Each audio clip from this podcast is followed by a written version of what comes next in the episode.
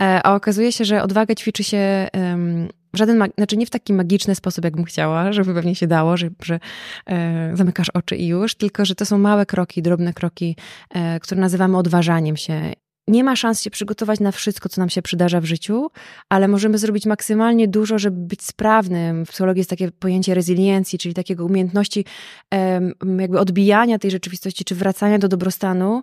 E, to, to możemy ćwiczyć e, i, i się w tym usprawniać. I Paliwem na kryzys jest też pamięć o dobrych momentach, czyli pamięć radości, pamięć sukcesów, pamięć tych rzeczy, które dawały nam siłę.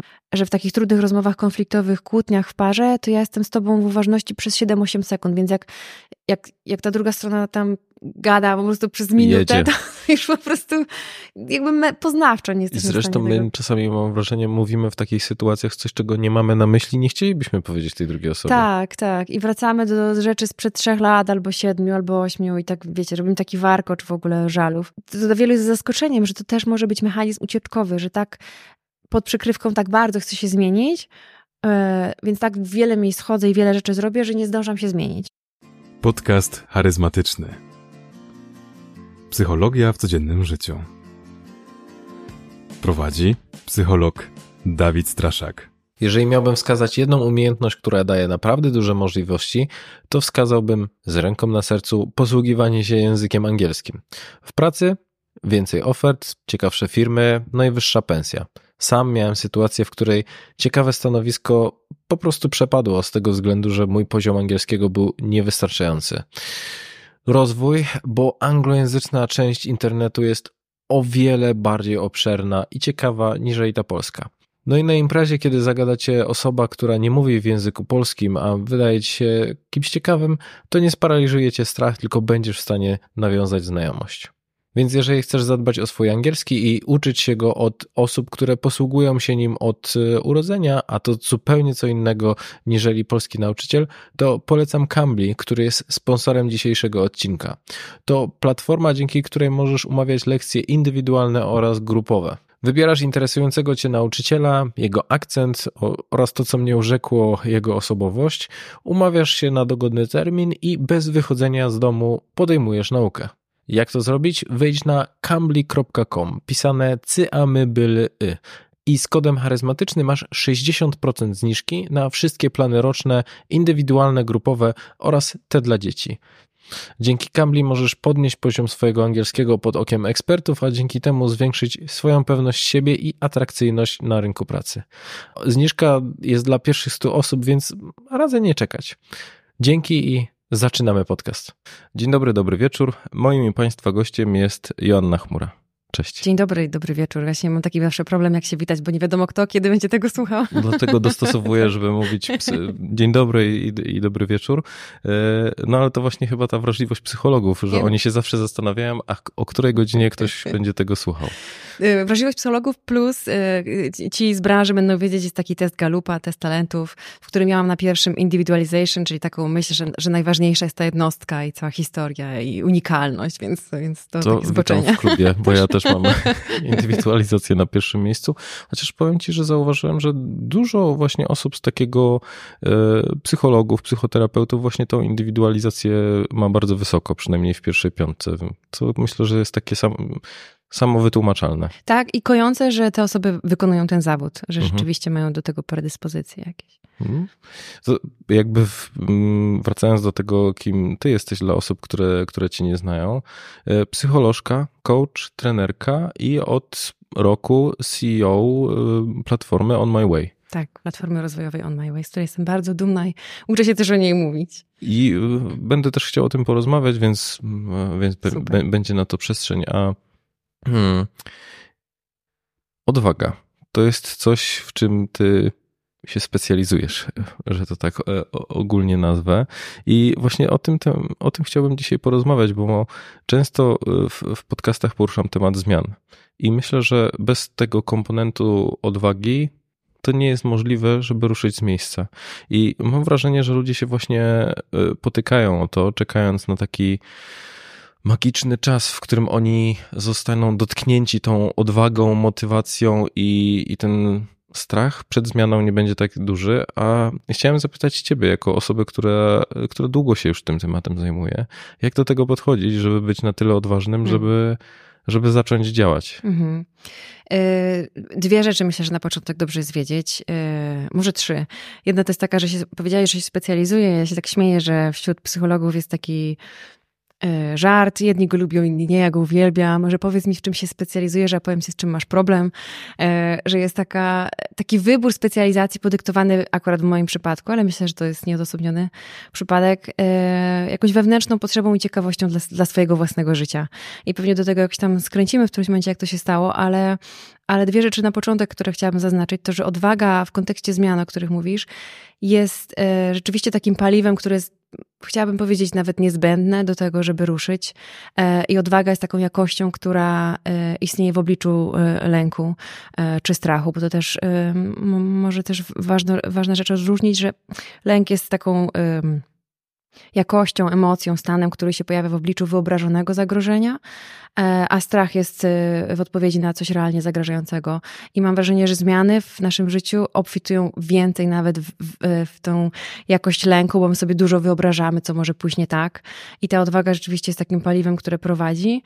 E, a druga rzecz kojąca jest taka, że odwaga nie jest czymś, z czym się rodzimy albo nie, że odwaga jest umiejętnością, którą możemy rozwijać. I jak ja pierwszy raz o tym usłyszałam, to z jednej strony się ucieszyłam, bo pomyślałam, dobra, to mogę ją rozwijać, a z drugiej strony się zasmuciłam, bo już nie mogłam zwalać na to, że się nie urodziłam odważna.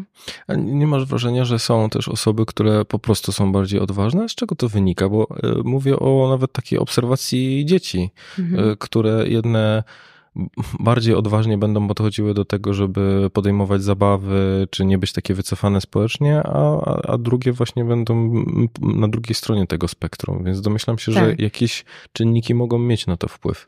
To jest trochę jak z tym pytaniem, czy, czy um, kontekst, czy geny, czy społeczeństwo, czy środowisko, czy geny. I jest taki, taka część, która jest jakby mm, elementem, różnie nazywamy w psychologii, temperamentu, albo osobowości, albo konstruktu tego układu e, nerwowego, który dziedziczymy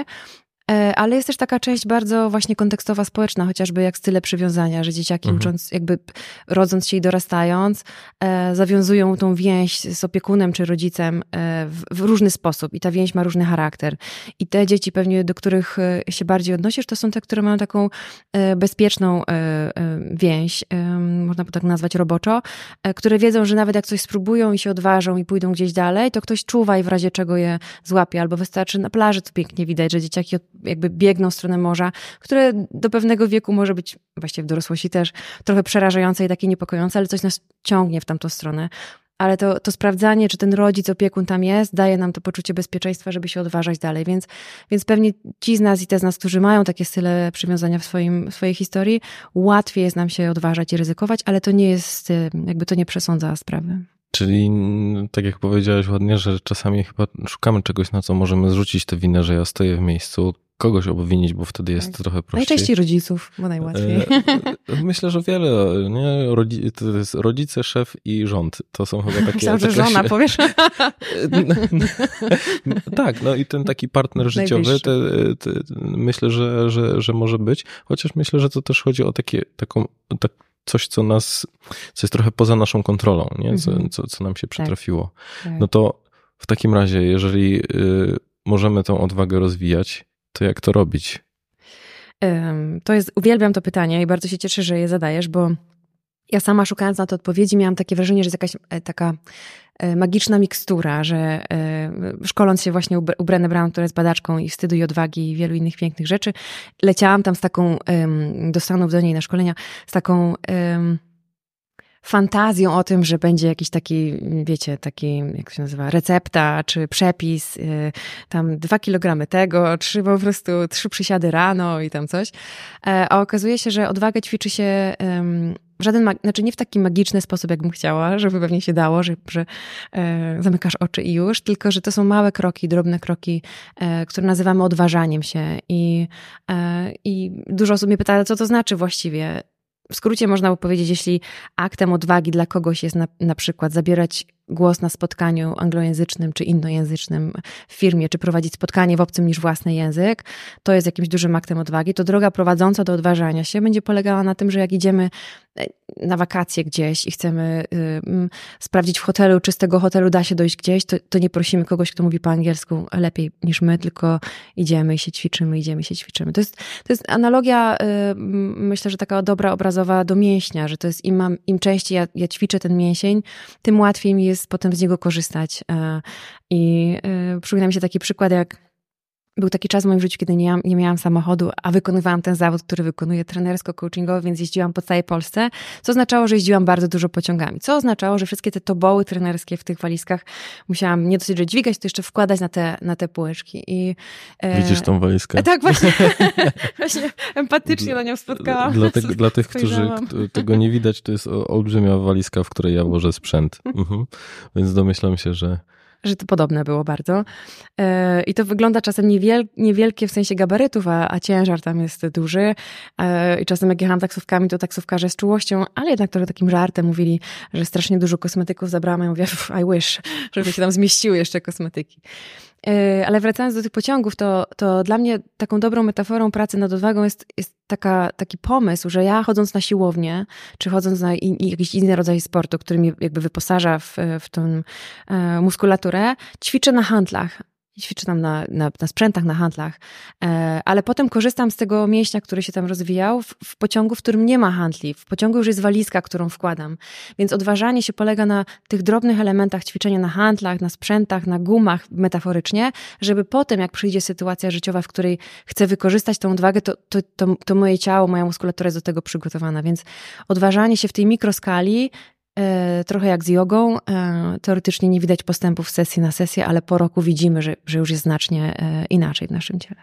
Czyli mówisz o takim wykorzystaniu, czyli rozbiciu pewnych czynników, z którymi, z się boimy, przed którymi czujemy jakieś obawy i po rozbiciu ich na takie drobne kroki, które możemy ćwiczyć, tak jak mówisz, że z jednej strony tutaj są hantle, jakieś maszyny, które wykorzystujesz po to, żeby zarzucić jednym ruchem tą walizkę tak. E, w, w, pociągu. Czyli rozumiem, że ta, to, to, ta, ta sytuacja w pociągu jest trochę przenośnią tego, co byłoby dla nas takim trudnym. Mhm. Czyli porozmawiać z szefem o podwyżce, e, nie wiem, skonfrontować się właśnie z, z partnerem o czymś, tak. co, co jest dla nas trudne. Czyli w sytuacjach, które tej odwagi miałyby wymaga, wymagać. Dokładnie tak.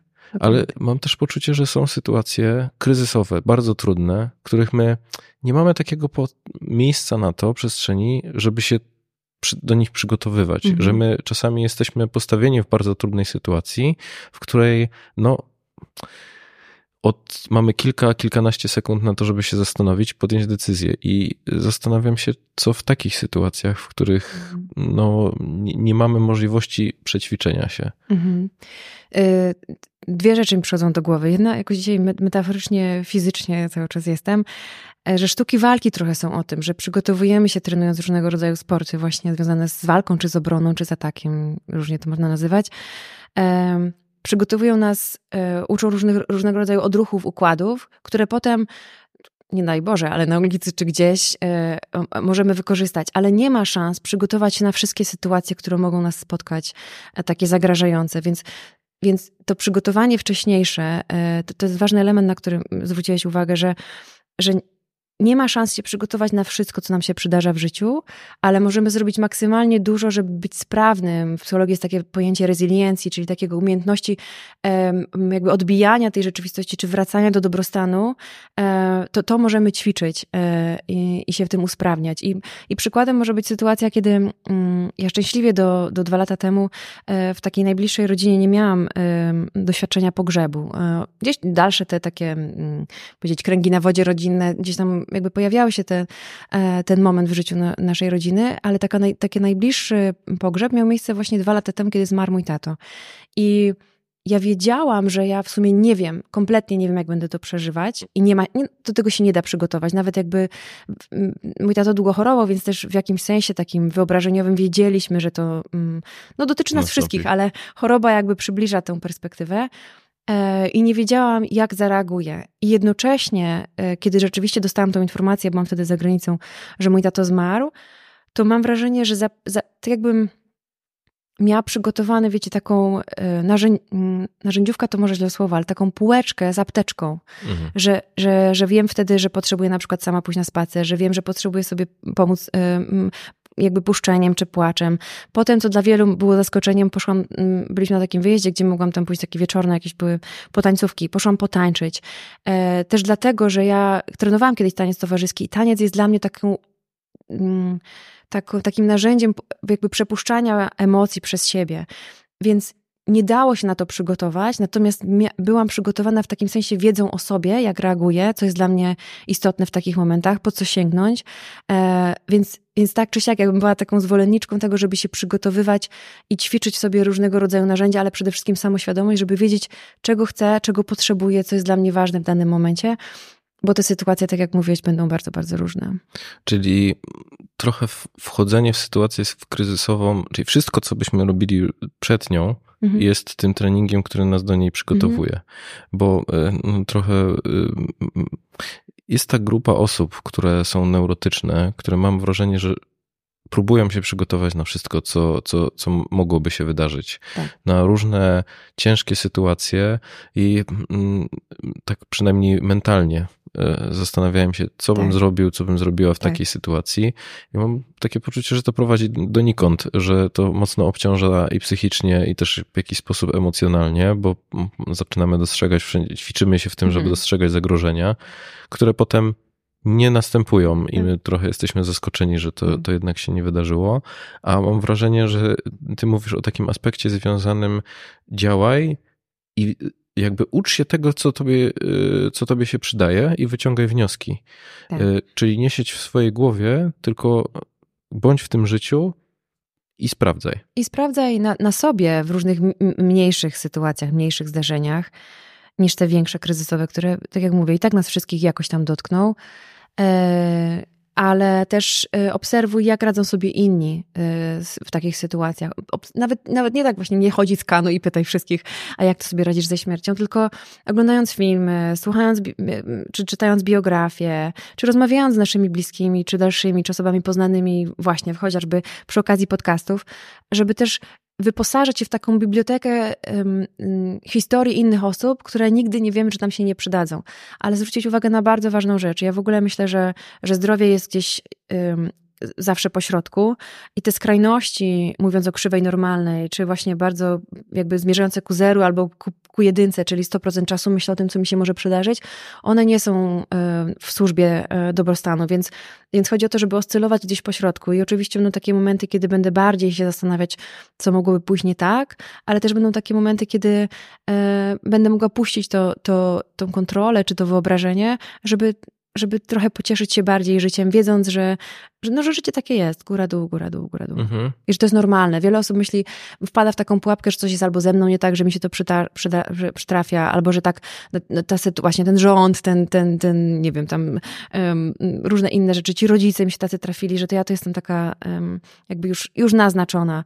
E, przegrana. tak, przegrana. A to jest tak, że, że, że no życie taka, taka jest funkcją deszczu jest spadać i y, namaszać to, na co spada, a, a funkcją życia jest dawać nam różnego rodzaju doświadczenia, y, które nas wyposażają i wiedzę o sobie, ale też jakby zapraszają do, do transformacji, y, y której mówiłeś na samym początku, czyli tej zmiany, bo wszystko, co się przydarza, jest w służbie zmiany. O, o, tak przypomniał mi się ostatni komentarz pod filmem z, z profesorem De Barbaro i tam pojawił się taki y, no taki bardzo introspektywny komentarz dotyczący tego, że ktoś długo mierzył się z, z depresją, z lękiem i to, co pozwoliło mu jakby trochę inaczej spojrzeć na to wszystko, to tak. to, że profesor powiedział, że życie takie nie jest, że ono jest usłane różami, że rozmawialiśmy o, o cierpieniu, jego roli w życiu i on powiedział, że to, to jest trochę tak, że musimy nastawiać się na to, że to będzie zawsze część naszego życia mhm. i że to są wzloty i upadki i że czasami jest tak, że tych upadków jest zdecydowanie więcej, ale najprawdopodobniej prawdopodobnie duża też rola w nas w tym samym, żeby, żeby nastawić się, że będziemy w końcu na, na tej górce.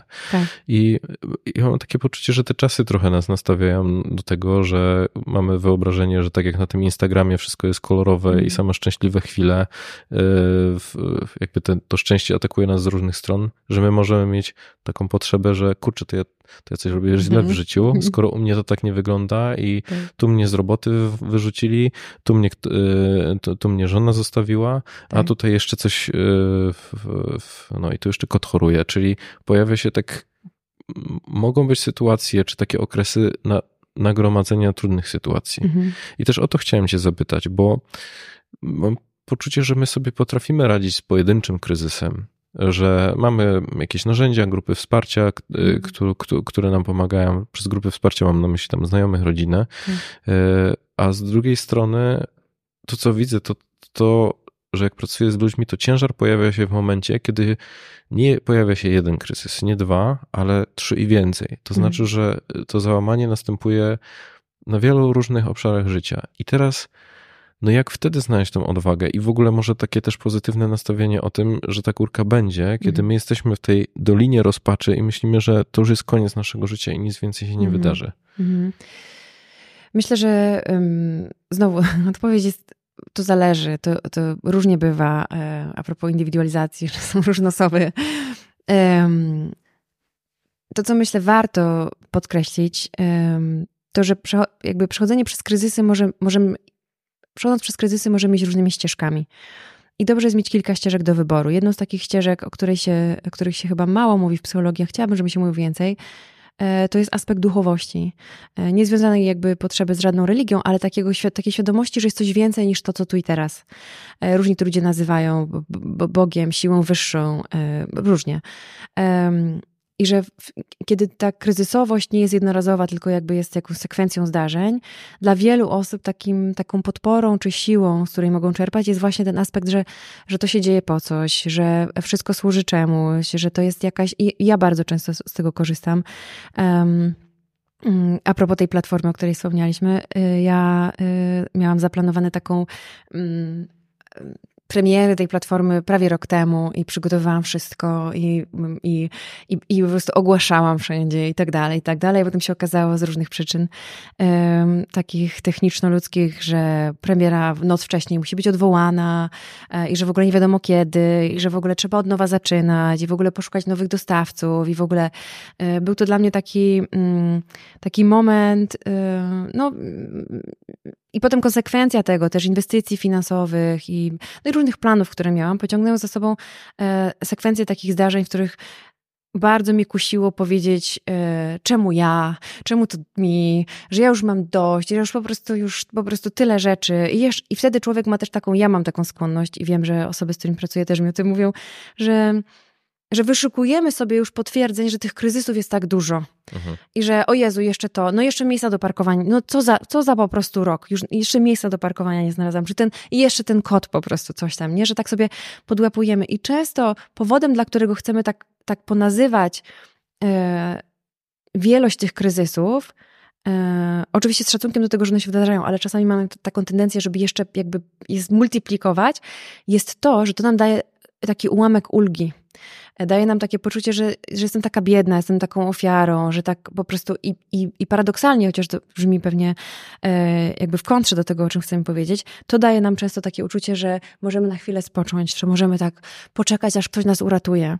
E, I aspekt duchowości jest trochę taką odpowiedzią na to, że, że coś nas uratuje, coś nas może e, wesprzeć.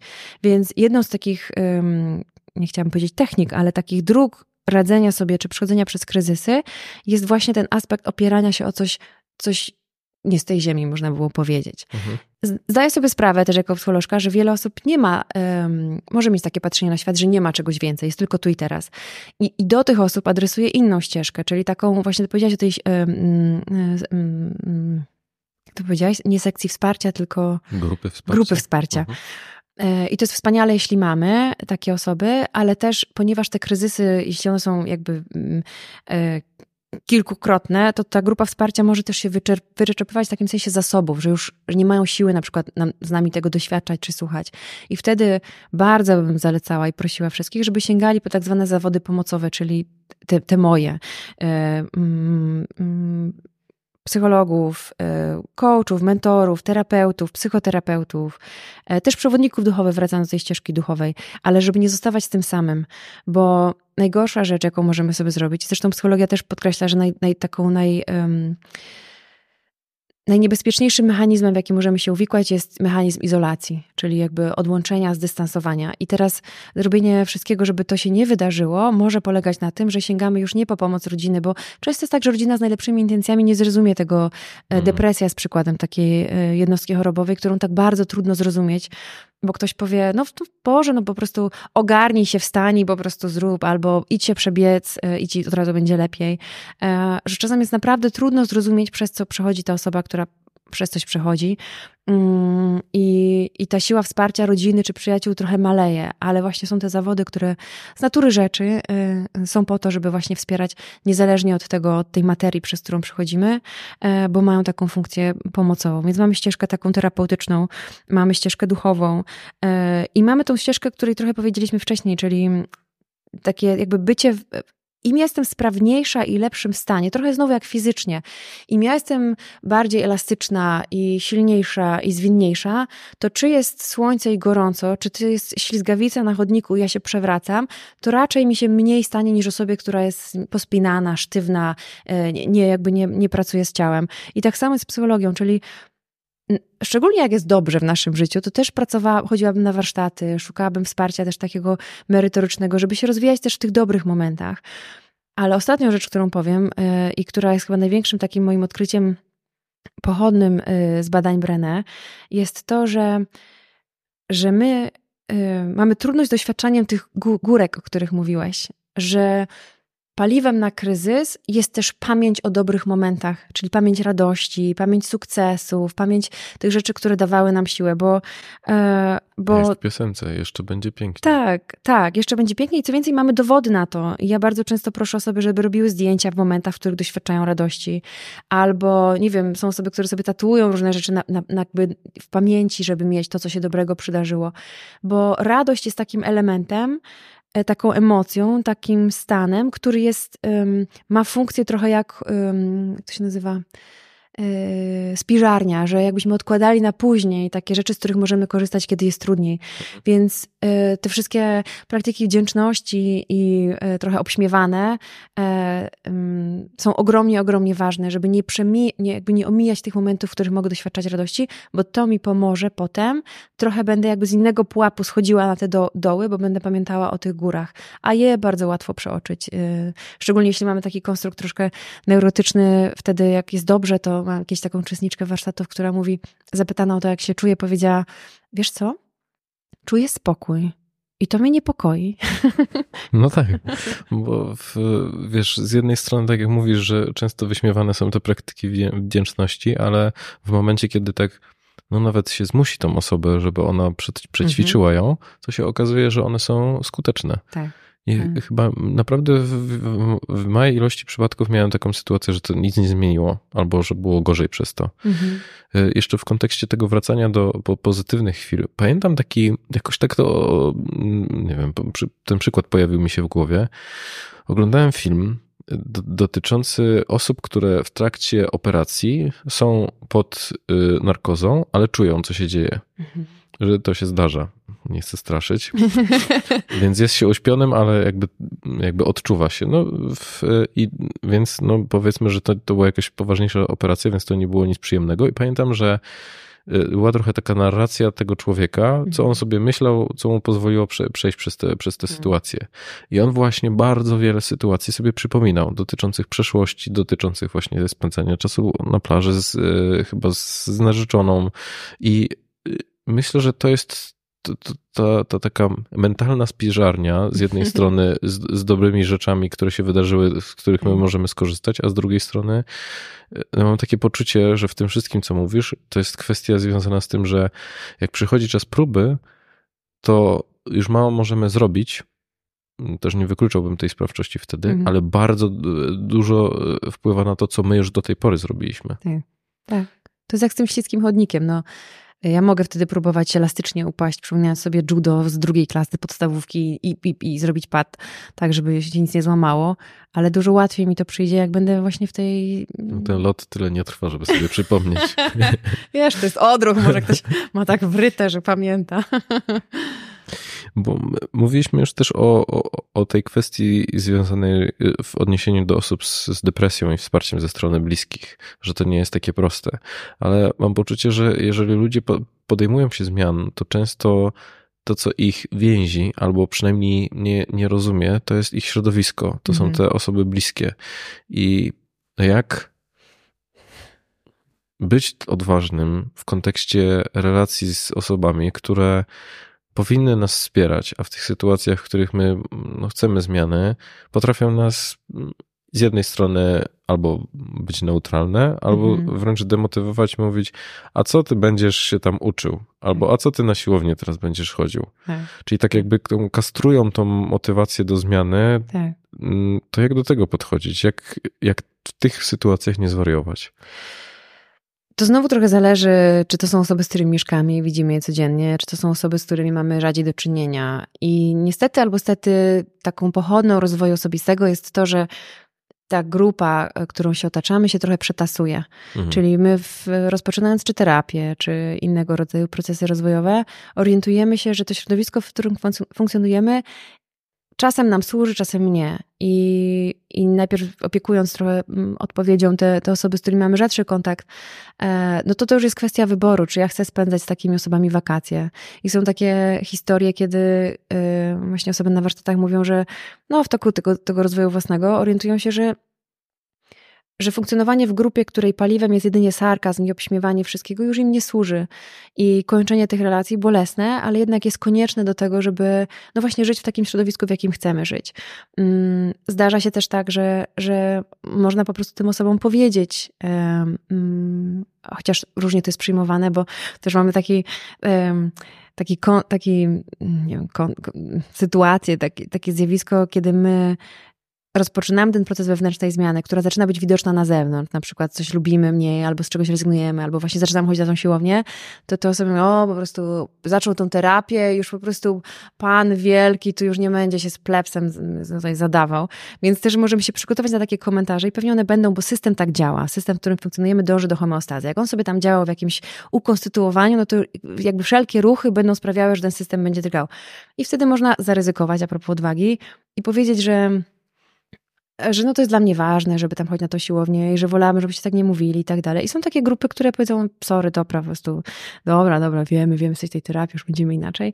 I się dostosowują w takim sensie organicznym, dobrym. Mhm. Ale są też takie relacje, które, um, tak jak mówisz, po pierwsze są stałe, bo z nimi na przykład mieszkamy, a po drugie są um, jakby niereformowalne, tak można było powiedzieć, że, że ta osoba nie, nie przyjmuje tego, tej naszej prośby um, związanej z tym, żeby się albo nie odzywać, albo odzywać inaczej, albo po prostu wspierać, czy nie przeszkadzać. No i to są trudne case'y. E, to jakby wędrując trochę ścieżką trudności, to to są naj, najtrudniejsze momenty, szczególnie na przykład jeśli to dotyczy Mm, partnerów czy małżonków, bo, bo też są takie przypadki, że jedna osoba właśnie rozpoczyna pracę rozwojową, a druga nie, ma na to ochoty i nie chce nie widzi w tym sensu. I te drogi się trochę rozjeżdżają, i to jest bardzo trudny moment dla związku w ogóle. E, czasem kończy się rozstaniem, a czasem e, kończy się poważnym kryzysem, który z kolei może być prowzrostowy, więc Mm, mm, jestem raczej z takich optymistycznych, więc każda zmiana zaprasza do, do wzrostu, jeśli tylko z niej skorzystamy. Więc e, to jest, to jest jakby jedna kategoria odpowiedzi, ale druga jest taka, że um, znowu w takim aspekcie duchowym mówi się, że środowisko zewnętrzne odzwierciedla nasze wnętrze, więc jeśli tak jest, że, że um, ktoś nam coś mówi, notorycznie powtarza, to być może jest tak, że mówi się o, właśnie o takiej energii, która jest pokazywana na zewnątrz, a tak naprawdę w środku, że jeśli ja się zopiekuję tymi swoimi głosami krytycznymi albo samym kwestionowaniem samej siebie, to ten świat zewnętrzny nie będzie mi tego musiał pokazywać, więc to jest jeszcze inna ścieżka właśnie związana bardziej z taką, takim duchowym, energetycznym aspektem. I jeszcze jest ostatnia taka część, która, o której mówi Brenne, że jak się odważamy, to potrzebujemy wyposażać się w naszym życiu w dwie takie super siły. Jedna nazywa się empatia, czyli potrzebujemy osób w naszym życiu, które będą trochę równoważyć tam te głosy krytyczne, e, a druga nazywa się self-compassion, czyli taka czułość i życzliwość do siebie, czyli, czyli ja właściwie odważając się na różne rzeczy, mogę też być swoim własnym przyjacielem i wsparciem i takim kibicem, czego nikt nas nie uczy i to jest dosyć trudne, chociaż na szczęście to się teraz zmienia e, i mam wrażenie, że jest trochę lepiej, ale to są takie jakby trzy, trzy krainy, do których pewnie musimy zajrzeć, czyli trochę przetasowanie tej rzeczywistości, w której jesteśmy. E, z tymi najbliższymi, no to albo przepracujemy i razem nam to pomoże, albo być może konieczna jest jakaś taka bardziej radykalna zmiana. A trzecia rzecz to jest ta związana z wyposażeniem siebie i trochę budowaniem swojego środowiska, bo e, może ostatnią rzecz, którą powiem a propos tego, to jest, że, że są takie dwie kategorie rodzin. Rodziny z urodzenia, czyli tam, gdzie nas po prostu los, Bóg, znowu, co tam, loteria rzuciła. I na to mamy mniejszy wpływ i czasem to jest bardziej jakby satysfakcjonujące, czasem mniej, ale są też tak zwane rodziny z wyboru. I te rodziny z wyboru, im jesteśmy starsi, tym bardziej możemy sami konstruować, czyli przyjaciele, znajomi. I, i tu możemy sobie tak jakby, trochę jak mieszkanie urządzać, a w takim dobrym tego słowa znaczeniu, żeby otaczać się osobami, które właśnie nas będą wspierać, a przynajmniej nie przeszkadzać. Mam takie pytanie jeszcze techniczne odnośnie zmiany ludzi w naszym życiu, mhm. bo często się mówi o tym, no, że po prostu trzeba zmienić środowisko, odciąć się od niektórych osób, które na nas źle wpływają i my często jesteśmy w stanie powiedzieć, ten dokładnie ten nam nieźle wpływa. Mhm. E, wiem, wiemy, kto to jest i wiemy też, e, że jakieś próby podejmowaliśmy, takie na przykład, o których ty mówiłeś, że to jest dla mnie ważne, to wolałbym, żebyś tak nie mówił. No i one powiedzmy, że spełzły na niczym. Mhm.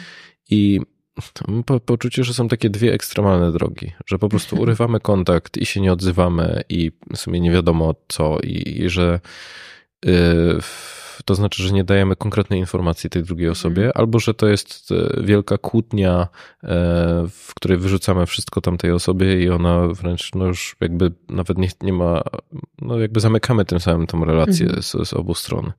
I ja tak, im dłużej się zastanawiam, tym dłużej mam takie poczucie, że, że obie te drogi są takie niedomknięte, że z jednej mm. strony w momencie, kiedy kończymy tą relację, właśnie mm. nie mówiąc nic, no to trochę jakby tam właśnie nie wiadomo o co chodzi, z czego to wynika. Z drugiej strony, w momencie, kiedy to się kończy też kłótnią, no to może nie kończy się to jakimś takim wyjaśnieniem tego. I też chciałem Ciebie zapytać, jak Ty byś radziła tak właśnie może technicznie do tego podchodzić, e, jak kończyć relacje, żeby i to jest ważne, żeby w tym kończeniu zadbać o siebie, a nie mm. o tą drugą stronę. No, mhm. zakładając, mm. że my już naprawdę zrobiliśmy jakby daliśmy tej drugiej stronie szansę na to, żeby, żebyśmy byli w przyjacielskich stosunkach. Y, też ważne jest, zacznę od tego, co, co powiedziałeś na początku, że są takie skrajności i wrócę do tej krzywej normalnej, czyli, czyli jedna i druga ścieżka właściwie zostawia nas y, nas i tu drugą stronę, e, właśnie z zerową informacją, bo, bo tu nic nie powiemy i zerwiemy kontakt, a tu powiemy tak dużo, że ta osoba w ogóle już nic nie przyjmie. W sensie, że już, że już jakby naprawdę to, to chyba Esther Perel, taka psychoterapeutka, e, powiedziała kiedyś, że że w takich trudnych rozmowach konfliktowych, kłótniach w parze, to ja jestem z tobą w uważności przez 7-8 sekund, więc jak, jak, jak ta druga strona tam gada po prostu przez minutę, już po prostu jakby poznawczo nie jesteśmy I zresztą my tego. czasami mam wrażenie, mówimy w takich sytuacjach coś, czego nie mamy na myśli, nie chcielibyśmy powiedzieć tej drugiej osobie. Tak, tak. I wracamy do rzeczy sprzed trzech lat, albo siedmiu, albo ośmiu i tak, wiecie, robimy taki warkocz w ogóle żalów. E, I, i, i żadna z tych... Y, warkocz żalów. Z tych, z tych y, ścieżek, nie, właśnie tak jak mówisz, nie służy nam, ale też nie służy tej, tej relacji. I teraz bardzo cenne jest, nawet jeśli jeśli chcemy zakończyć relację, to, to dla, dla swojego świadomości dobrze jest wypowiedzieć, jakby jaki jest powód, dla którego kończymy, e, czy chcemy skończyć.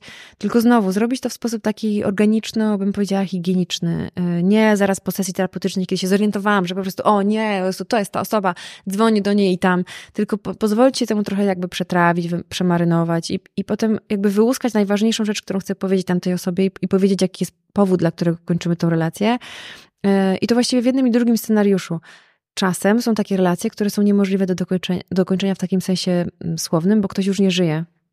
Mhm. I, e, a możemy mieć takie poczucie, że odkrywamy często no, e, osoby, jakby, które doświadczyły molestowania na, jakby na różnej głębokości, orientują się przy pomocy terapeuty, że jakieś zachowania były już tym molestowaniem, bo to nie zawsze jest taka mm, klarowna sytuacja, ale ta osoba już nie żyje albo już mieszka gdzie indziej i fizycznie nie ma szansy jej, jej tego powiedzieć, e, czy właśnie zakończyć tą relację. E, I wtedy z pomocą przychodzą różnego rodzaju narzędzia takie, mm, bym powiedziała, już tylko w służbie mnie, czyli napisanie listu, albo są też takie nurty terapeutyczne, w których sadza się tę osobę na, na jakimś wyimaginowanym krześle i jakby mówi się to, co chcemy powiedzieć. Więc tak jak, tak jak jakby zwróciłeś uwagę, że to, to wypowiedzenie, jakby wydobycie z siebie i przekazanie drugiej stronie jest bardzo ważne, ale czasami to zaskakujące dla wielu osób nie musi się odbywać fizycznie w obecności tamtej osoby. Hmm. Zastanawiające. E, tak, ciekawe, bo rzeczywiście nie pomyślałem o tym. Nie, zaskoczyłaś mnie tą odpowiedzią, bo rzeczywiście to, to, to jest e, ciekawe wyjście w tym wszystkim, nie? Żeby, żeby dać, żeby zadbać o swój komfort i w takich bezpiecznych warunkach e, po prostu zakończyć tą relację. Tak, i, i teraz jak to mówiłeś, to jeszcze zastanawiałam się, pomyślałam, jakby przywołały mi się jakieś sytuacje też opowieści. Mam ten przywilej nasłuchać się dużo historii innych osób i są takie, takie mm, jakby bardzo uwalniające momenty, bo ze śmiercią, wraz ze śmiercią kogoś albo, nie wiem, z, z, ze zniknięciem jakiejś osoby z naszego życia, możemy mieć takie poczucie, że, że zostaliśmy z jakimś ciężarem. E, I, e, I może właśnie takie warte podkreślenia jest to, że, że można z tym ciężarem sobie poradzić niekoniecznie wymuszając na tamtej osobie e, zmartwychwstanie albo wskrzeszenie jakiejś relacji. Że to właściwie w bardzo wielu przypadkach dużo mm, mówiąc kolokwialnie, załatwia. Mhm. I mam prośbę. Jeżeli mój podcast w jakikolwiek sposób Ci pomógł, to chciałem Cię prosić o przysługę. Jeżeli oglądasz go na YouTubie, to będę wdzięczny za subskrypcję, komentarz lub łapkę w górę. Jeżeli słuchasz na Spotify, to za ocenę podcastu lub obserwowanie. Dla Ciebie to dosłownie chwila, a mi pomoże docierać do coraz większej grupy osób i być może trafić do kogoś, kto akurat tego materiału potrzebuje oraz prężniej rozwijać ten projekt. Z góry dziękuję. Cytat z Twojej strony, że zmiana, której szukamy na zewnątrz, zaczyna się w nas samych. Mhm. To jest ta sytuacja, w której Ty jechałaś z nadzieją, że dostaniesz receptę e, na, na odwagę, a okazuje się, że to wszystko jest w nas tak, e, tak. Jechałam i my, my często przerzucamy, bo to jest bardzo kusząca perspektywa, że gdzieś znajdę jakąś książkę, która mi pomoże, że gdzieś jakiś warsztat. Jak ktoś mnie pyta, Asia, te twoje warsztaty to rzeczywiście są takie transformujące? I ja mówię, to zależy na którym etapie życia przyjdziesz.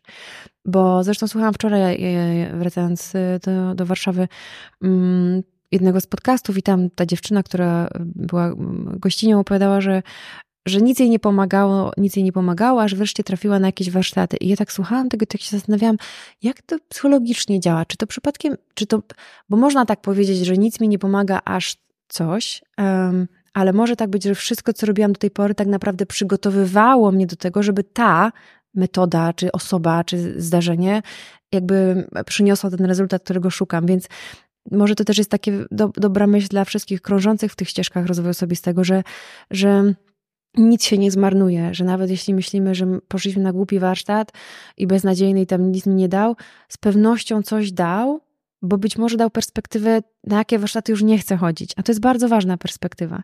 I to jest jedna rzecz, którą chciałabym powiedzieć, że, te, że, te, że szukamy takiego rozwiązania gdzieś na zewnątrz, ale żaden warsztat, żadna, żadna terapia nie, nie zrobi za nas tego porządku tutaj. I jednocześnie z szacunkiem do metodologii, do wiedzy, do badań, chociażby Brenna między innymi, yy, to są takie składniki, czy takie stymulatory tego rozwoju wewnętrznego, bo, bo gdybym się nie dowiedziała na przykład, że odwaga jest umiejętnością, tylko dalej bym tkwiła w przekonaniu, że to jest coś, z czym się urodziłam albo nie, to pewnie trudniej by mi było się skontaktować z tą odwagą, którą mam tu w środku i którą ka ka każdy z nas ma. Więc są takie, bym powiedziała, potrzebne takie. Mm, takie odbicie się od czegoś, e, ale ja bardzo wierzę, że to wszystko jest gdzieś w, w, nas w środku. Y, tylko dostęp jest albo tam utrudniony, albo zaburzony, albo stracony, albo um, nie wierzymy, że, że w ogóle coś takiego w sobie mamy. Mhm. Więc chodzi o, tak naprawdę w wszystkich metodach chyba chodzi o, ja to też tak nazywam, o powrót do, do takiej, do stanu miłości, mówiąc znowu językiem duchowym, um, czyli takiej akceptacji siebie i, i akceptacji tego, co mi się przydarza w życiu. A nie masz też poczucia w kontekście takich osób, które chodzą od warsztatu do warsztatu, od książki przez webinar po kolejną terapię i nie zmieniają albo nie widzą tych zmian w sobie, że to też jest ta forma może takiego, takiej ucieczkowości właśnie hmm. przed tym, że, że to właśnie ten moment, w którym ty się masz skonfrontować z tą matką, mm. porozmawiać z tą, e, z tą żoną albo z mężem i zmierzyć się właśnie z szefem, czyli to, że, szuk, że, że mam takie poczucie, że e, zdarza nam się szukać odpowiedzi mm. na to, jakby w obawie przed tą pracą, którą my musielibyśmy wykonać, mm. która jest tą realną zmianą. Tak. To jest też bardzo ważna rzecz, o której też się za mało mówi. Um, można by nazwać mechanizmami obronnymi. I są takie w oczywisty sposób mówiące, że to mnie jakby broni, że jakby ochrania przed tą konfrontacją. Jedzenie, picie, y, seks, zakupy, pracoholizm. To jest takie, można powiedzieć, dobra, już to słyszeliśmy.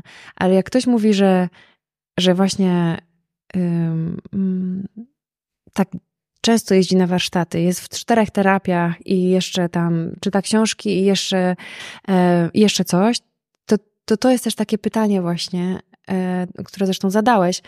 E, jakby przed tym uciekam, bo to jest rodzaj wy, wypełniania sobie tego dostarczamy sobie ciągle jakieś materie, jakieś substancje e, rozwojowe, ale nie zdążymy ich przetrawić. Czyli trochę jakbyśmy się tak po prostu przytykali tym, ale to się nie zdąży jakby przeżyć w naszym życiu. Więc, więc to dla wielu jest zaskoczeniem, że to też może być mechanizm ucieczkowy, że tak pod przykrywką tak bardzo chce się zmienić, więc tak wiele miejsc chodzę i wiele rzeczy zrobię, że nie zdążam się zmienić. Nie, mhm. że nie ma przestrzeni na zmianę. Przypominam, że sponsorem dzisiejszego odcinka jest Cambly i z kodem charyzmatyczny macie 60% zniżki na wszystkie plany roczne na naukę języka angielskiego że to jakbyśmy porównali to do chodzenia na siłownię czy uprawiania sportu, to jeżeli ktoś uprawia, wiesz, dwa różne treningi w ciągu dnia, siedem dni w tygodniu, no to też już zastanawiamy się, czy to I nie jest, jest zawodowym sportowcem. Tak, że czy to chodzi o kwestię związaną z dbałością o, tak. e, o, o siebie, czy może właśnie uciekaniem od siebie. Mhm. Bo jeszcze wracając do tego, o czym powiedziałaś, yy, czyli że czasami jest tak, że my łączymy kropki po jakimś czasie, to mm -hmm. bardzo fajnie to powiedział jeden yy, hipnoterapeuta u mnie w podcaście, Paweł Pawlak, że yy, często się spotyka z tym, że ktoś mówi, że chodził na terapię ileś lat i nic, a jedno takie spotkanie mm -hmm. z nim mu połączyło wszystkie kropki. I on właśnie mówi, że nie, nie, nie, bo to jest tak, że bez tych lat spędzonych w pracy nad sobą, nie doszedłbyś do tego miejsca, żeby to się właśnie w tak pięknie połączyło, tylko byś powiedział, a o tym głupoty gada i kolejny hochsztapler. Sztapler, tak. Tak, i to też yy, właśnie bardzo fajnie yy, też ujął, że no, że wszystko jest trochę jak nakładanie, jakbyśmy budowali jakiś budynek. No nie da się zbudować dachu, który jest wieńczący i po prostu zobacz, jaki mam piękny dom, bez zbudowania najpierw wykopania dołów, potem fundamentów, potem jakby wprowadzenia instalacji, tylko że tego potem na koniec nie widać. Na koniec widać piękny, po prostu cudowny dom, e, jakby ze wszystkim takim zewnętrznie wyposażonym, ale to by nie było możliwe, gdyby nie wcześniejsza praca, więc... Um, więc też z pokorą, myślę, w, w moim zawodzie e, i ja, ale też znam wiele, wielu kolegów i koleżanki, którzy mówią,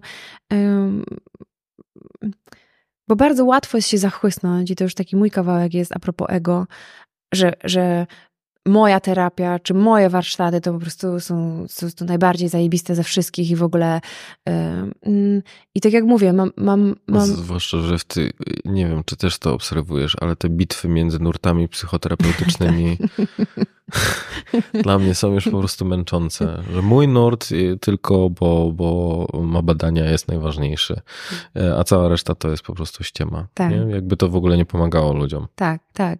I ja wracam do przyrody, jak sobie jakby wikłam się w takie myślenie. Zresztą też przez moją historię, że w skrócie rzecz ujmując, mm, chorowałam na zaburzenia odżywiania i, i, i siłą rzeczy wędrowałam po różnych ścieżkach terapeutycznych jeszcze jako pacjentka, klientka e, i i, i te osoby, z którymi pracowałam, miałam czasem takie poczucie, że tak, tak bardzo wielbią ten nurt terapeutyczny, że nie dopuszczają żadnego innego. A ja w międzyczasie a pojechałam tu, a, a tutaj, ja spotkałam i wracając na tą sesję terapeutyczną, mówiłam o tym i to spotykało się z takim i pobłażliwością, ale też takim, dobra, dobra, ale to tutaj jest praca. Skup się na tym. Skup się na tym. Aż trafiłam na taką wspaniałą terapeutkę, trochę, trochę mając taką, dobra, powiedzieć czy nie powiedzieć, że byłam tam na jakiejś tam właśnie pracy z ciałem, jakimś uwalnianiem y, emocji z ciała i powiedziałam jej to, ona mówi wspaniale, to się wspaniale łączy, bo to się właściwie wszystko łączy. I tak pomyślałam, że że dla ego fajnie jest myśleć, że tylko moje jest super, no bo wtedy myślę sobie, że jestem na złotej ścieżce, ale prawda jest taka i przyroda też nam pokazuje, że tych, że, że, jest, że że to wszystko może się ze sobą łączyć i, i pięknie właściwie jak się łączy, e, tylko wtedy pewnie trudniej się scharakteryzować, że od czego ja jestem.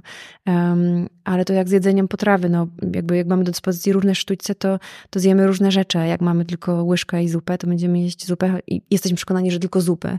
Zresztą diet, dietetyka to też jest taki ciekawy wątek. Przez chwilę właśnie z racji tych wszystkich historii swoich byłam w tym świecie że też są takie tylko taka dieta, tylko po prostu keto, tylko paleo, tylko wege, tylko po prostu coś tam.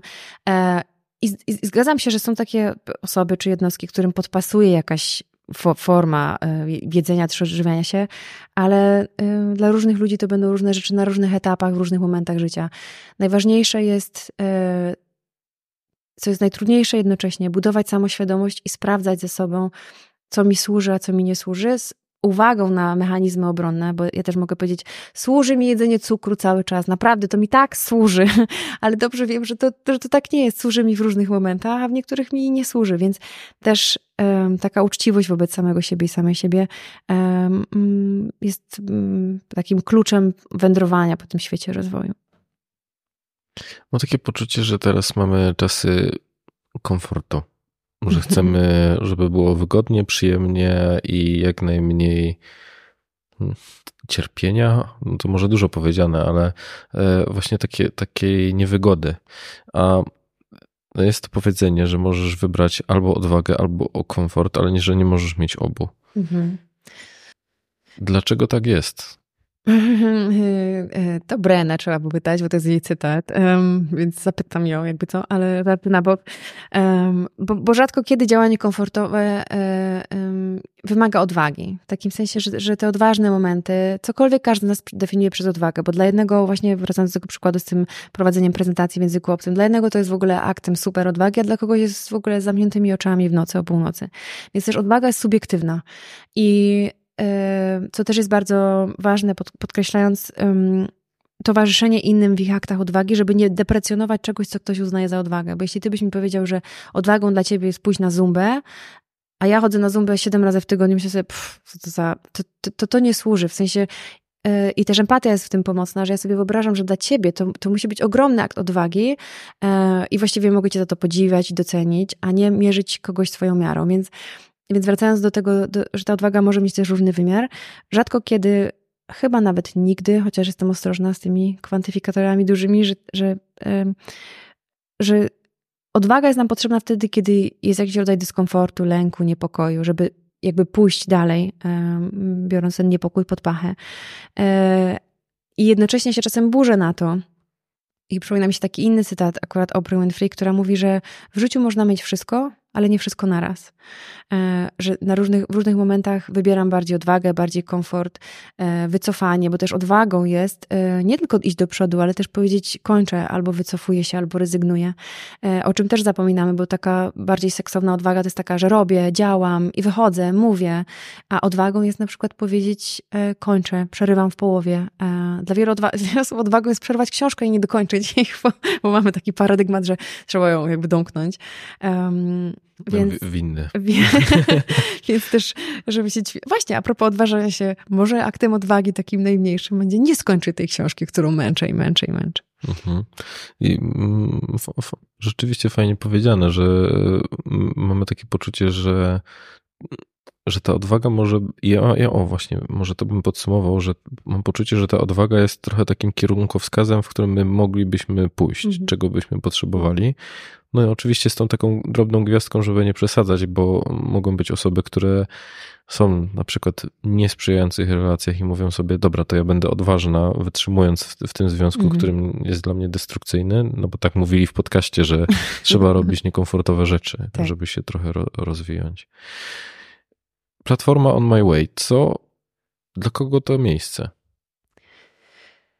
To jest um, po pierwsze taka kraina, za którą sama tęskniłam. To znaczy, chciałam um, mieć możliwość um, bycia, tworzenia społeczności, y, tworzenia też kontentu kreatywnie y, w taki sposób, który będzie dostępny dla wielu osób jednocześnie o różnej porze dnia i nocy i w różnych zakątkach świata, bo do czasu powstania tej platformy, chociaż media społecznościowe trochę to zmieniły, to, to głównie jakby byłam działałam w tej swojej materii psychologicznej, będąc na sali, albo w gabinecie, albo w firmach, w różnych tych miejscach, w których pracowałam. I pomyślałam, że, że, y, że chciałabym mieć takie miejsce, w którym, jakby, które pomieści y, i więcej osób, ale też mm, da taką możliwość korzystania z tych narzędzi nie od 9 do 17, kiedy mi tam zabukowali w firmie, e, a ja w ogóle jeszcze nie chcę, bo mam zakończenie kwartału i w ogóle wsadzili mi to szkolenie w ogóle bez sensu.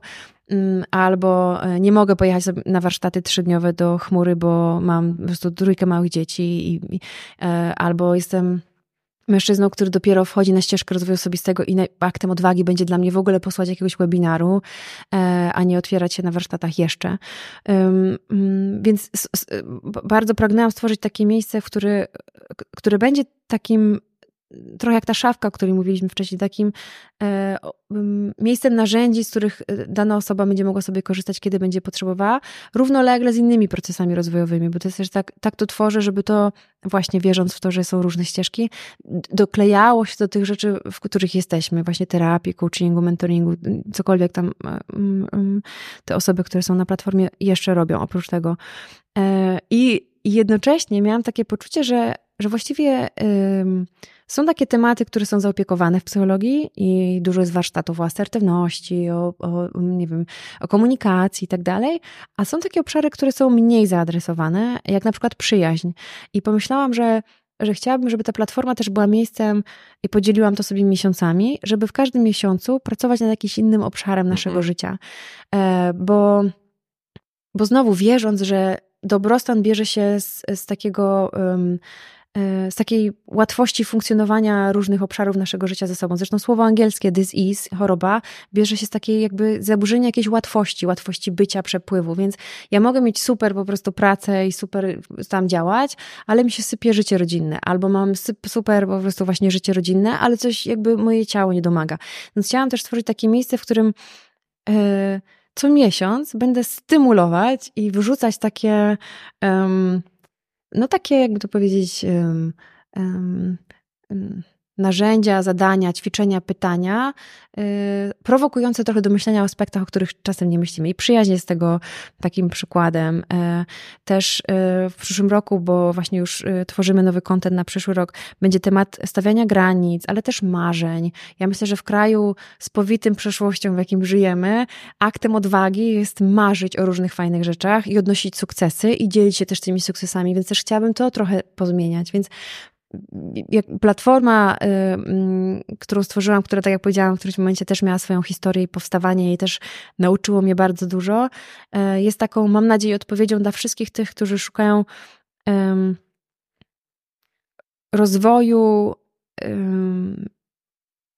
który daje im takie poczucie mm, zaopiekowania różnych tematów, y, ale w sposób taki mam wrażenie higieniczne, no bo, bo nie skaczemy e, z miesiąca na miesiąc e, drastycznie różnie, tylko to się też ze sobą wiąże. Ja też, też na przykład lipiec był o cielesności i o relacji z ciałem, bo wakacje, bo plaże, bo po prostu, że też staram się, żeby ta platforma była takim towarzyszem też adekwatnym do, do miesiąca. Teraz w listopadzie jest odwaga i trochę ją łączę z niepodległością, ale nie znowu historycznie, tylko taką wewnętrzną niepodległością do różnych rzeczy, więc ta moja przydługa długa odpowiedź jest y, jakby. No i fajnie, że to ty łączysz to wszystko, bo mam poczucie, że we wszystkich y, platformach często jest taki trend, że zaprasza się różnych specjalistów i każdy ze swojej bańki dodaje coś od siebie i czasami ma się takie poczucie jakby braku komplementarności. No może nie komplementarności, ale takiej spójności. spójności. Znaczy, że to jest trochę ze wszystkiego, a tak jak o tak. tym opowiadasz, to nawet chodzi o kwestię twojej narracji, czyli mhm. tego sposobu, w jaki ty się wypowiadasz. Więc fajnie.